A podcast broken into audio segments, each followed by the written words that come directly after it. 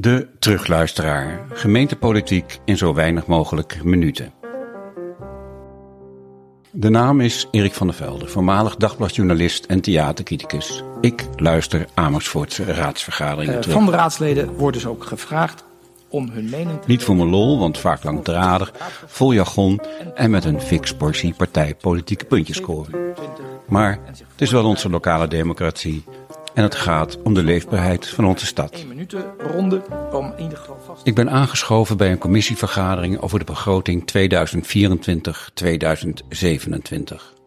Wethouder Jan-Willem Stegeman van Financiën heeft zijn huiswerk gedaan en de vraag is of de begroting nu rijp is voor besluit.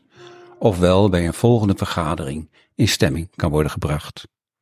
Het is een evenwichtige begroting. En eh, nou, wij kunnen, wij zien in grote lijnen zien wij het, eh, de speerpunten uit het coalitieakkoord eh, zien we er terug. Eén ding wat ik er graag uit zou willen lichten, is dat ik het verstandig vind dat het college voorstelt om nog even het hoofd koel te houden met het licht op het ravijnjaar. En niet direct in de, nou, ik zal het maar even de paniekstand noemen. En nu al te gaan bezuinigen. En dat we echt even de tijd nemen om dit proces zorgvuldig in te steken. Al dus Bram Leeuwenkamp van coalitiepartij GroenLinks. Eh, eigenlijk woorden van eh, gelijke Ook wij eh, zien in, dit, eh, eh, in deze begroting de ambities van het coalitieakkoord weer. Dat vinden we heel fijn. We zien ook weer het ravijnjaar op ons afkomen. En nou ja, we zijn blij dat we niet nu al met bezuinigingen aan de gang zijn, maar dat we daar rustig de tijd voor nemen ook. En ook het ehm, daarin de VNG volgen, om dat niet nu al. Ook collega Marjolein Perdok van D66 is ronduit enthousiast. Alle partijen vinden de begroting rijp voor besluit. En waarom ook niet? Het accountantsbureau PCW heeft over de schouders van Stegeman en zijn ambtenaren meegekeken en het 300 pagina's stelende werkstuk op wat details na solide geacht. Toch komt de opgetogen instemming wat wonderlijk over. Er is namelijk alle reden tot zorg. Amersfoort koerst niet af op één ravijn, maar op twee ravijnen. Het eerste gapende gat dat opdoemt, wordt veroorzaakt door het Rijk. Aangekondigd is dat er vanaf 2026 minder geld in het gemeentefonds wordt gestort. Maar duidelijkheid ontbreekt. De koepel van de gemeente, de VNG, Perdok liet deze afkorting al vallen, heeft opgeroepen tot bestuurlijke ongehoorzaamheid. Weiger rekening te houden met een rijksbezuiniging, zet de nieuwe regering voor het blok, geef een signaal af. Amersfoort gaat mee met die oproep. Niet alle gemeenten doen dat. Dallas vindt bijvoorbeeld het risico te groot en neemt wel voorzorgsmaatregelen op in de begroting. Op het tweede ravijn zet de gemeente zelf koers. De ambitieuze coalitie teert in op de reserves. En dat gaat hard. Bij ongewijzigd beleid wordt in 2027 het punt bereikt dat de provincie zal ingrijpen. Net zoals acht jaar terug wordt Amersfoort dan onder preventief toezicht geplaatst. Om dat te voorkomen wil het college op het laatste moment een fikse ruk aan het stuur geven.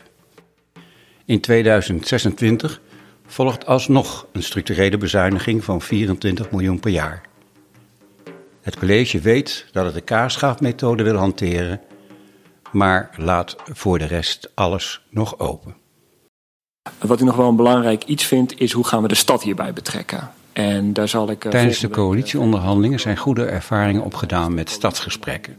Bram Leeuwenkamp, GroenLinks, wil dat ook nu weer doen over de invulling van de 24 miljoen. Maar het was echt heel erg nuttig om ons licht op te steken bij de inwoners. Nou, ik zou zeggen, bij zo'n grote exercitie eh, is het ook belangrijk om de stad hierbij te betrekken. Omdat de mensen in de stad uiteindelijk de effecten gaan, gaan, gaan ondervinden.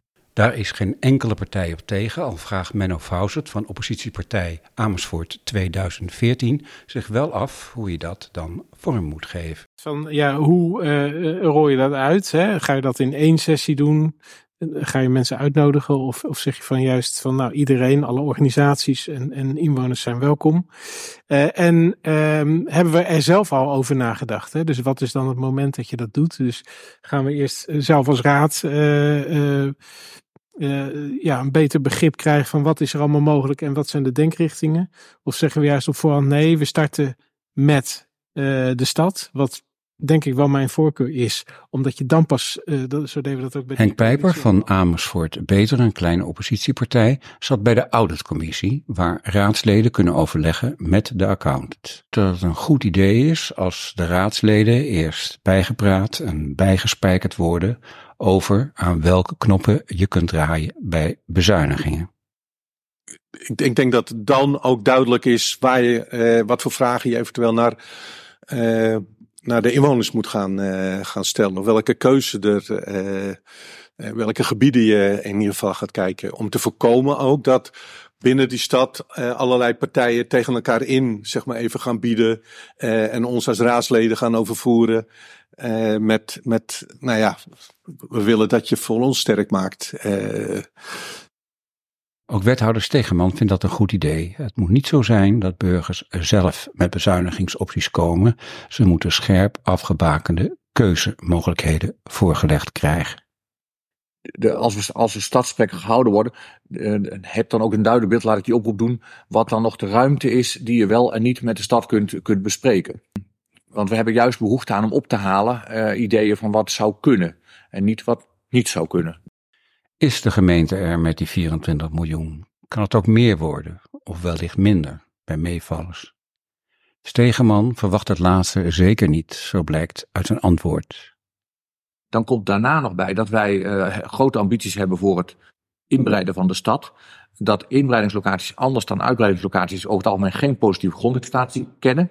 Dus dat je daar geen geld mee gaat verdienen. En alles wat je aan investering moet doen in de uh, in de omgeving waar we BioMed subsidie voor krijgen, de cofinanciering moeten we dan wel bij elkaar zien te sporen. Dus stel dat wij echt, want dat is natuurlijk ook nog een punt, voor 24 miljoen aan reële bezuinigingen krijgen. Uh, en we hebben ze niet allemaal nodig. Nou, dan kun je wat temporiseren bijvoorbeeld. Uh, maar dan is er nog steeds aanmerkelijk kans dat we dat hele bedrag nodig hebben om de cofinanciering voor de, voor de groei van de stad mogelijk te maken. Dus in die zin is het eerder een conservatieve schatting in de zin van dat we dit echt wel kunnen gebruiken, dan uh, dat ik bang ben dat we uh, nou ja, meer discussie krijgen dan nodig. Doorvragen is niet de sterkste kant van de raadsleden. Ze laten na wat elke journalist wel zou doen. Wat bedoelt hij precies met cofinanciering van de groei van de stad? En welke onzekerheden liggen er verder nog op de loer? En wordt die 24 miljoen wel tijdig gehaald? Als je ook nog eens tijdrovende stadsgesprekken wilt houden. Verdekt sprak Stegeman hierover zijn zorg uit. Afronden, maar natuurlijk niet zonder de vraag gesteld te hebben of uh, de begroting 2024. De coalitie wil niet nu al de tering naar de nering zetten. Begrijpelijk. Dat zou een pijnlijk verhaal naar de kiezer zijn. Sorry, we hebben ons te rijk gerekend. We moeten onze ambities op de vergroening, woningbouw, cultuur, dierenwelzijn afschalen.